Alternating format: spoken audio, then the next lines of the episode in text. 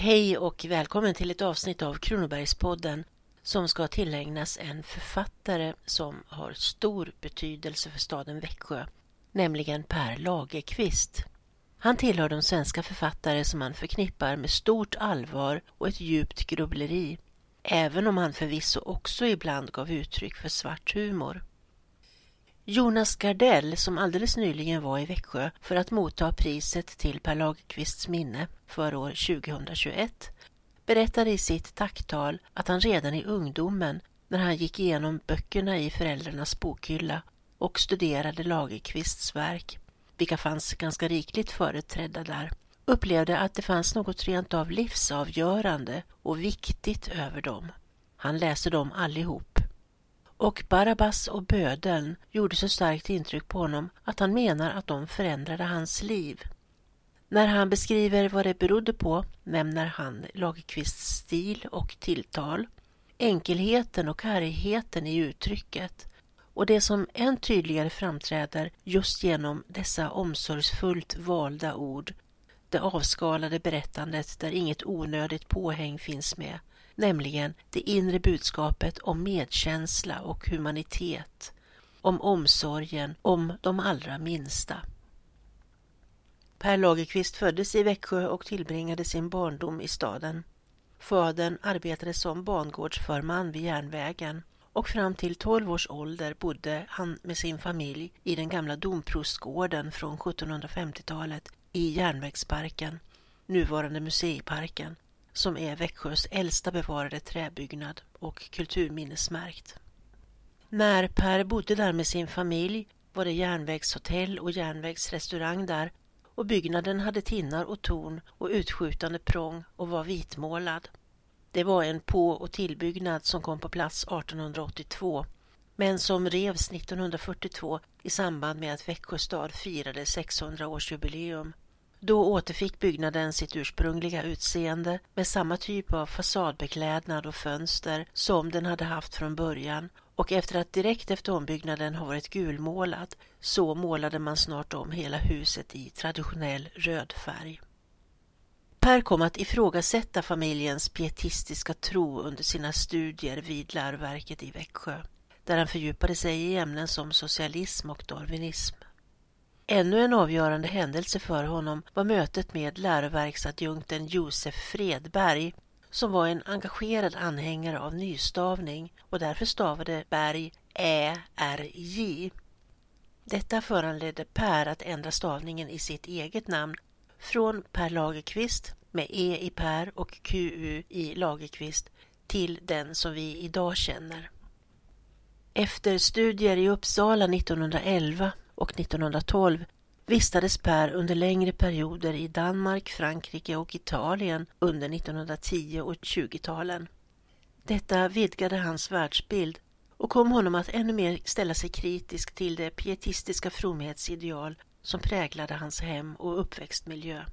Den senare har han tydligt beskrivit i sin roman Gäst hos verkligheten från 1925 som utspelar sig bland annat i Växjö och där redan i första kapitlet tystnaden och allvaret i familjens tvårumslägenhet på övre våningen i järnvägsbostaden griper tag i läsaren och nästan gör det svårt att andas på grund av frånvaron av liv och skratt och spontan glädje. Trots att hans mor var hemmafru och sällan gick ut och familjen bestod av många barn, Per var den yngsta av sju, så stod tystnaden i lägenheten i stark kontrast till ståhejet och all rörelse vid järnvägsspåren utanför. Barnen stod ofta i en fönsternisch och tittade ut, liksom fågelungar, på alltsammans eller lyssnade på ljuden från järnvägsrestaurangen i våningen under, hur människor drack och pratade och skrattade och porslinet och glasen klirrade. Hemma i lägenheten pysslade modern med hushållet eller satt och sydde och lagade kläder. På kvällarna läste båda föräldrarna Bibeln under tystnad ifall inte fadern läste högt. Ibland kunde fadern resa sig upp och gå fram till fönstret och titta ut en stund men sedan satte han sig igen och fortsatte att läsa. Bibeln och psalmboken och Arns på stilla var de enda böckerna i hemmet. Pietismen var en väckelserörelse som utgick från Martin Luthers lära om individens eget ansvar för sin frälsning, Bibelns betydelse och efterlevandet av stränga etiska regler. Anhängarna tog avstånd från världens glam och ytlighet och ägnade sig desto mer åt bön och läsning av religiös litteratur. Detta jämte återverkningarna från två världskrig under hans levnad påverkade Lagerqvists syn på livet och världen som en grym skådeplats där en trygg Gud lyser med sin frånvaro och tro och tvivel istället för en ständig brottningskamp. Hans författarskap präglas av sökande och ovisshet i en otrygg värld där Gud inte längre är självklar. I Gäst hos verkligheten skildras också den ångest och oro som blev följden när han under tonåren tankemässigt och ideologiskt bröt sig loss från det som dittills hade varit en upplevd trygghet.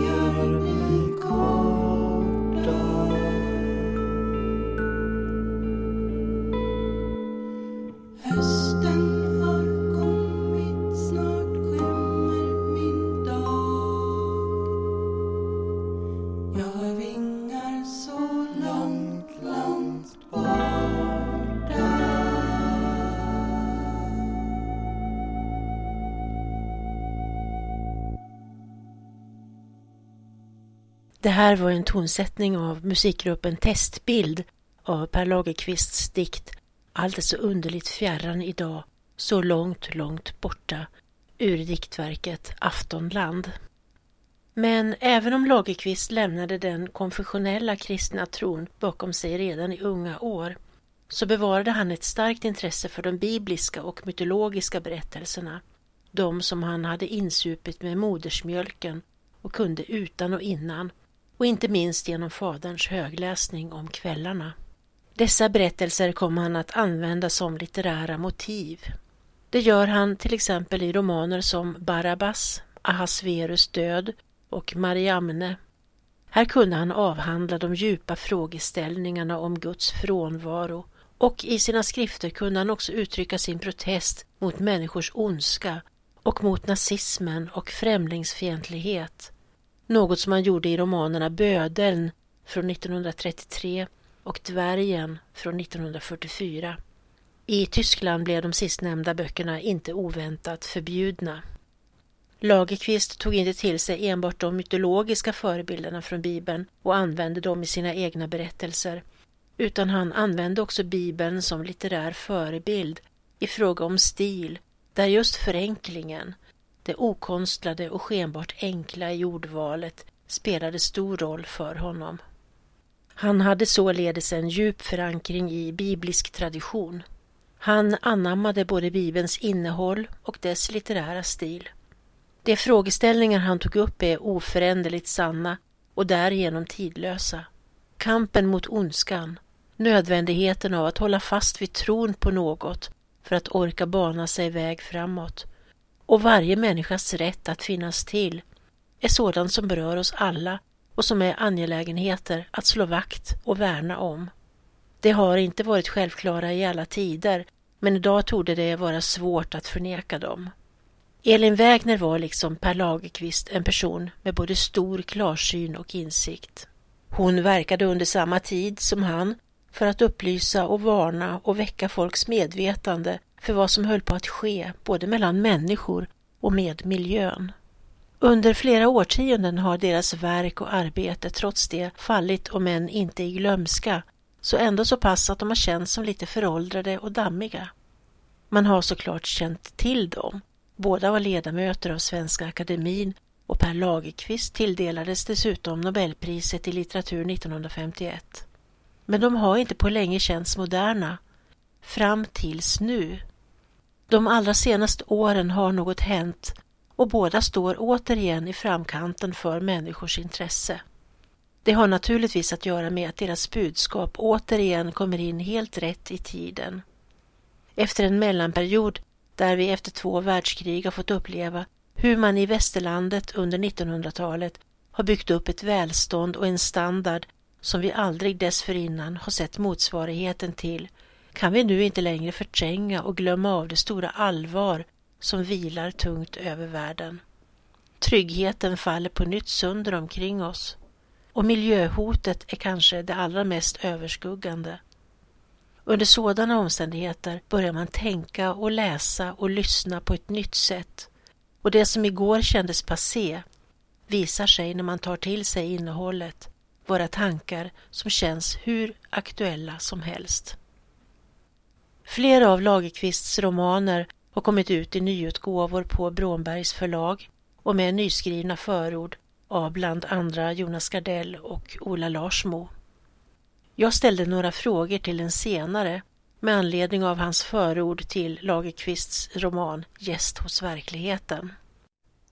Ola, du är en erkänd Per Lagerkvist-kännare. Var placerar sig denna roman hos dig på en privat favoritlista? Ja, till att börja med vill jag säga emot lite för jag är Per Lagerkvist-läsare. Jag vill inte påstå att jag är kännare direkt. Eh, däremot så har jag läst alla hans böcker tror jag. Eh, och det här är min favorit. Jag tror att det är den absolut bästa av hans böcker, vilket inte vill säga så lite när han har gjort sig skyldig till ett antal klassiker. Men den här ställer sig som mitt i ett intressant spår i hela 1900-talsromanen. Och det handlar om vägen från, ja vi kan säga det gamla Sverige till det nya. Från det gamla bondlandet till den moderna industrinationen. Så det är själva den resan och den processen som gör intryck på dig mer än, eh, än kanske innehållet i själva boken? Nej, men de bägge sakerna de hänger ju väldigt tätt ihop. Det handlar ju om Anders, huvudpersonen, med starka drag av Per Lagerkvist själv. Och det är ju ett väldigt lätt igenkännligt Växjö med omnejd som man möter i boken också. Eh, man får ju se allt det här, vad det gör med människor. Alltså när ett samhälle förändras så, så dramatiskt som det svenska gjorde, hur det påverkar människor i själen. Och det är väl det som är Anders berömda ångest. Alltså att han känner verkligen inte igen sig i sina föräldrars liv. Alltså att han, han förstår att han är på något vis en annan sort. Och det gör honom då alltså, ångestfylld. Och det där fångar ju Lagerqvist väldigt fint i väldigt exakta och pregnanta bilder. Eh, romanen utkom 1925 och utspelar sig i en svensk småstad, Växjö, under en tid då mycket var annorlunda. Järnvägen var en knutpunkt och en möjlighet för impulser utifrån att nå den lilla inlandsstaden. Men för övrigt så var det hantverk och småindustri som präglade miljön för Anders uppväxt. Det och så bondelivet kring farföräldrarnas hemvist i Jämla. Och boken berättar som sagt om en inre förändring hos Anders. Hur barndomens nedärvda tro på Gud när han blir äldre övergår i en syn på livet som meningslöst och där han tar till sig istället, ja kanske rent av bejakar en ångest och upplevelse av tomhet som han alltid har burit med sig. Tycker du att boken trots en annorlunda tidsbild fortfarande talar till dagens läsare? Ja, naturligtvis. På det sättet är ju inte bra romaner tidsbundna. Vi läser ju fortfarande Don Quijote och Iliaden och sådär. Inte minst för att, för att få syn på det som verkligen är djupt mänskligt och som man kan känna igen över, över stora avstånd. Eh, det intressanta med Anders situation, som du säger att han, han bor i, inne i staden och, och hans morföräldrar som betyder mycket för honom bor ute på landet. Men avståndet mellan de här bägge världarna är inte så stort än. Det alltså man kan komma dit med dressinen som han och hans pappa gör på en liten stund. Eh, så att den här andra världen, den äldre världen som präglades av, vad ska vi säga, religiösa perspektiv, av närhet till, till jorden och naturen och till också fattigdom, ska tilläggas. Du kan ju ta dig dit. Men samtidigt så känner ju Anders att han är ju verkligen på väg därifrån. Och när du säger att han betraktar livet som meningslöst så, så, skulle jag inte riktigt hålla med om det. Utan eh, den unge Anders då i slutet på boken som är en ung man med intellektuella grubblerier. Han talar om sådana här saker som friheten eh, i tomheten. Alltså att, eh, och samtidigt som att han känner sig då utslängd i världen. Och det där är ju filosofiska funderingar som en massa filosofer har närmat sig. Från Nietzsche till Heidegger till Sartre, vilka du vill. Men här tar det en sån konkret form i en ung pojkes liv och det är liksom bara rakt på sak. Eh, där andra kanske har behövt hundratals sidor för att skildra de här känslorna och de här tillstånden så lyckas Lagerqvist med det på under hundra. Per Lagerqvists författarskap har präglats av både medgång och motgång genom åren. I början av 1990-talet så var Lagerqvists ställning inom den svenska litteraturen försvagad. Idag upplever man att han har återerövrat sin position bland de mest namnkunniga 1900-talsförfattarna. Och samma förändring kan man skönja också hos en författare som den lokala Elin Wägner här i Växjö. Att en gång ha haft en storhet för att sjunka ner i en längre torrperiod eller i varje fall en dammig position som tidigare berömdhet men så nästan som av sig självt återigen har fått tillbaka sin status. Vad är det som har åstadkommit en sån här svängning tror du? Ja, du, det är väl inte svårare än så att det är konjunkturer också i den litterära världen. Alltså att, att rätt som det är så förändras samhället på ett sådant sätt så att saker blir aktuella igen och känns, känns närmare igen. Och du kan ju notera till exempel det stora intresset för Vilhelm Moberg och hans böcker just nu. Eh, det där kanske en del trodde att vi var klara med, med migrationen som period och så plötsligt så förändras världen på nytt och, och just folkomflyttningar och migration blir någonting väldigt konkret och närvarande och plötsligt så läser man Vilhelm Moberg igen. Eh, jag tror det är samma sak med riktigt bra och täta böcker som, som Lagerqvists och för all del Elin Wägners. Eh, att har de en hög densitet, har de en hög kvalitet så blir de förr eller senare aktuella igen. Det är det som kännetecknar en klassiker, att det står sig genom tiden då. Ja, om vi törs tala om, om ett så, så vagt begrepp som kvalitet här så är det det som en litterär klassiker verkligen har. Alltså att det är ett så fint utmejslat språkkonstverk så att det kan tala till människor i olika tider.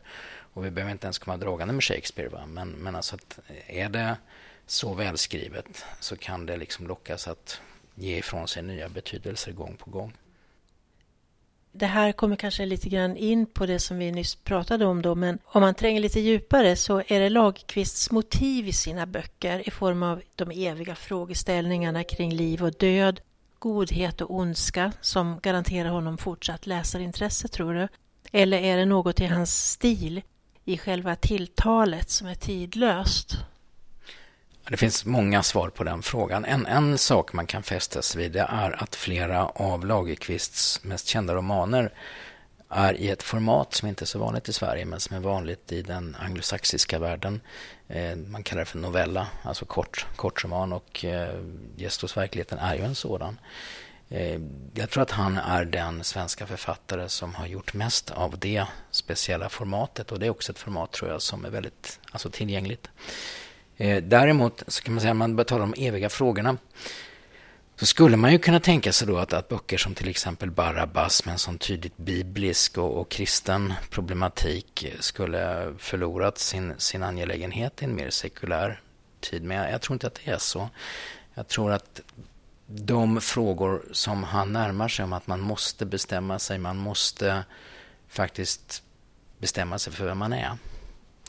Det är nog en fråga som man kan vrida och vända på i många hundra år framöver. Okej, tack Ola Larsmo. Tackar, tackar. Per Lagerkvist fortsätter just genom innehållet i sina böcker, dikter och övriga skrifter att vara aktuell också i vår tid. Och vi avslutar detta Per Lagerkvist avsnitt genom att höra Per själv läsa sin dikt En gång ska du vara en av dem ur diktsamlingen Aftonland. Jag heter Ella Styv och arbetar på Växjö stadsbibliotek. Där har vi mycket material om Per Lagerkvist. Tack för att du har lyssnat. På återhörande och hej! En gång skall du vara en av dem som levat för länge sen. Jorden skall minnas dig så som den minns gräset och skogarna, det multnade lövet.